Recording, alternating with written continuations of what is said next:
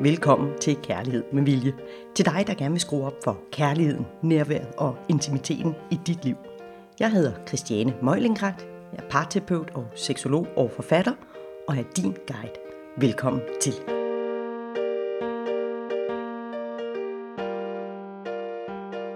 Noget af det, der optager mig allermest, det er, hvorfor vi gør, som vi gør. Og især, hvorfor vi gør, som vi gør over for de mennesker, som vi elsker, de mennesker, som vi siger, betyder allermest for os i vores liv. Ikke mindst os selv.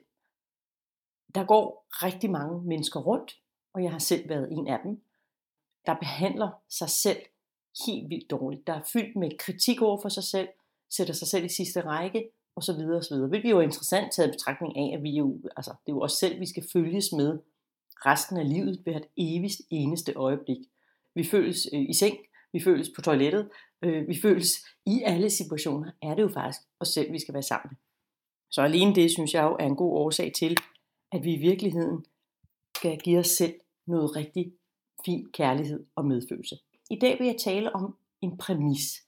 En præmis, der giver mulighed for mere kærlighed, mere rummelighed, mere glæde. Jeg vil gerne invitere dig med ind i den præmis, om ikke andet, at afprøve den og se, om det gør en forskel, eller hvilken forskel det gør i dit liv.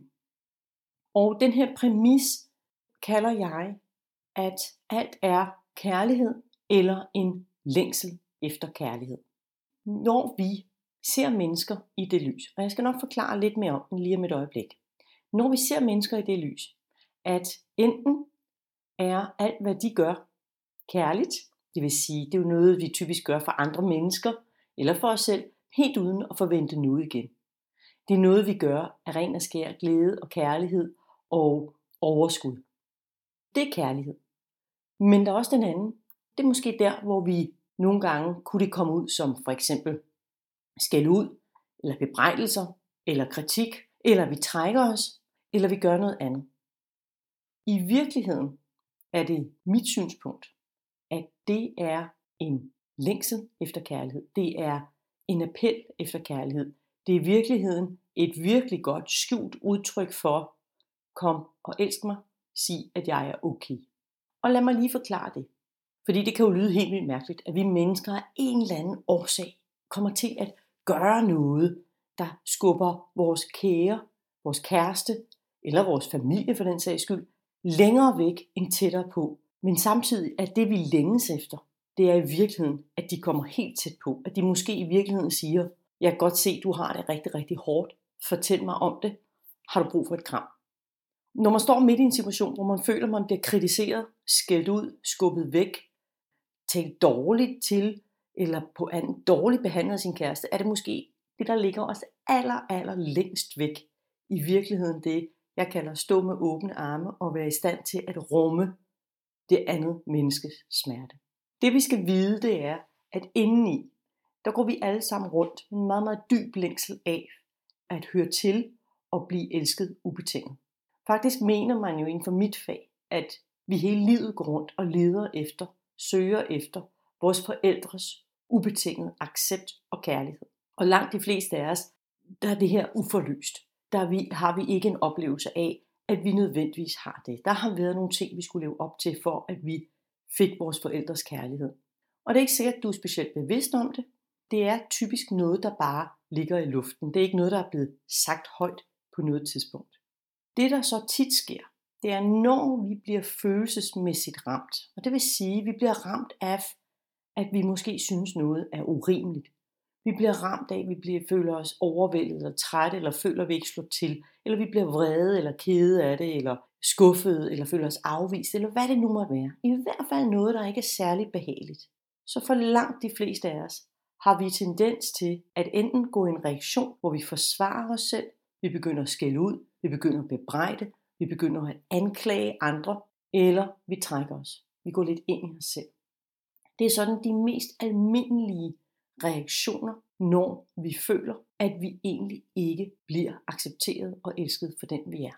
Og det er jo ret interessant, for jeg tror på, at inderst inde, der er det vi har brug for, det er virkelig virkeligheden for at vide, at vi er okay. Og det der sker, når vi er i stand til at se andre mennesker i det lys af, at hvis det ikke er kærlighed, så er det et ønske om kærlighed. Det åbner op for en rummelighed og en kærlighed og en glæde, som vi måske ikke vidste fandtes. Og det inviterer jeg dig til. Det kan godt være, at du tænker, men hvis jeg skal gøre det, skal min kæreste også gøre det. Jamen, øh, det må du godt synes. Jeg er bare ikke sikker på, at du får noget ud af den holdning. Jeg er ikke sikker på, at du får noget ud af at sige, at der bliver sat endnu flere betingelser op for det. Men prøv at tænke på den forskel, at hvis du kommer hjem en dag, du har været på arbejde, du har måske købt ind på vejen, du er faktisk helt vildt træt, fordi nu er du ved at være presset, for klokken nærmer sig rimelig kraftig spistid. Du har været super tidligt oppe, du er ude af døren, du har styrtet rundt, eller du har været født, at du har knoklet hele dagen. Og nu kommer du hjem, og der skal laves meget relativt hurtigt, fordi der er lige noget med nogle børn, der skal spises af. Og du kommer ind og tænk, der sker noget, der gør, at du faktisk bliver, hvis, altså det dårlige humør, du måske i forvejen var, det bliver lige skruet op. Tænk, hvis din kæreste, i stedet for at enten gå eller kritisere tilbage, eller begynde at forsvare sig, i stedet bare sagde, hey skat, hvad har du brug for? Hvad kan jeg gøre for dig? Hvad kan jeg gøre, der gør din dag bedre? Tænk, hvis der var nogen, der imødekom dig på den måde. Så hver gang du i virkeligheden oplevede de her negative ting, det der er svært, du bliver angrebet af et eller andet irritationsanfald, du synes han er skide irriterende, at din kæreste faktisk er i stand til at vende sig om, kigge dig i øjnene, række hånden ud og sige, hey skat, fortæl mig om det. Hvordan vil du ikke have det? Hvis du så også vidste, at uanset hvad du sagde eller gjorde, så vil han eller hun stå der og være der. Ikke nødvendigvis gøre dig til et offer, men bare være der og lytte.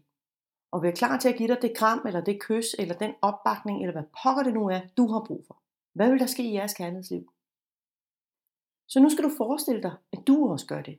Hvad hvis du gjorde det over for din kæreste? At du var i stand til at se igennem det, jeg tillader mig at kalde bullshit, når vi skælder ud på dem, vi elsker. Når vi anklager, når vi gør ved. Alt det der, jabba, jabba, jabba, jabba, jabba.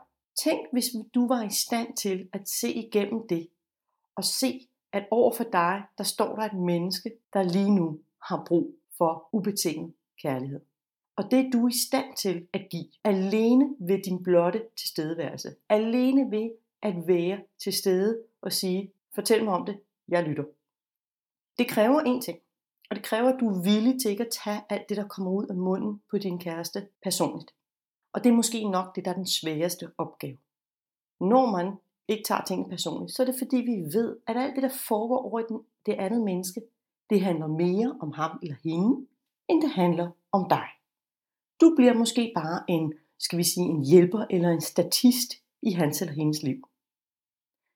Når vi har den bevidsthed, når vi vælger at have den indstilling, når vi vælger i virkeligheden at kunne distancere os lidt fra alt det der, som jeg tillader mig at kalde bullshit, der kommer ud af munden på ham eller hende, fordi det er et udtryk for en frustration fra hans eller hendes side, og vi ikke går i selvforsvar, at vi ikke dukker os, at vi ikke skrider, at vi ikke går i modangreb, men vi er til stede og siger, okay, jeg hører, hvad du siger, jeg er her, hvad kan jeg gøre for dig?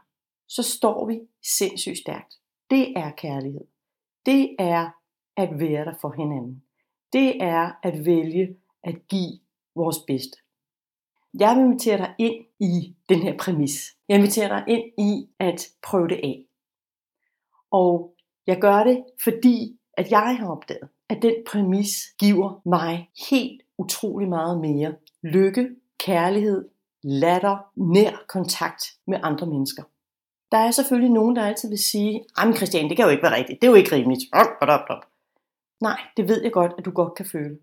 Men så længe vi har den, så længe vi sætter det panser op, så længe vi hele tiden skal gå i forsvar, så længe vi hele tiden skal sige, jeg gør det ikke godt, før du gør det godt, så har vi et problem.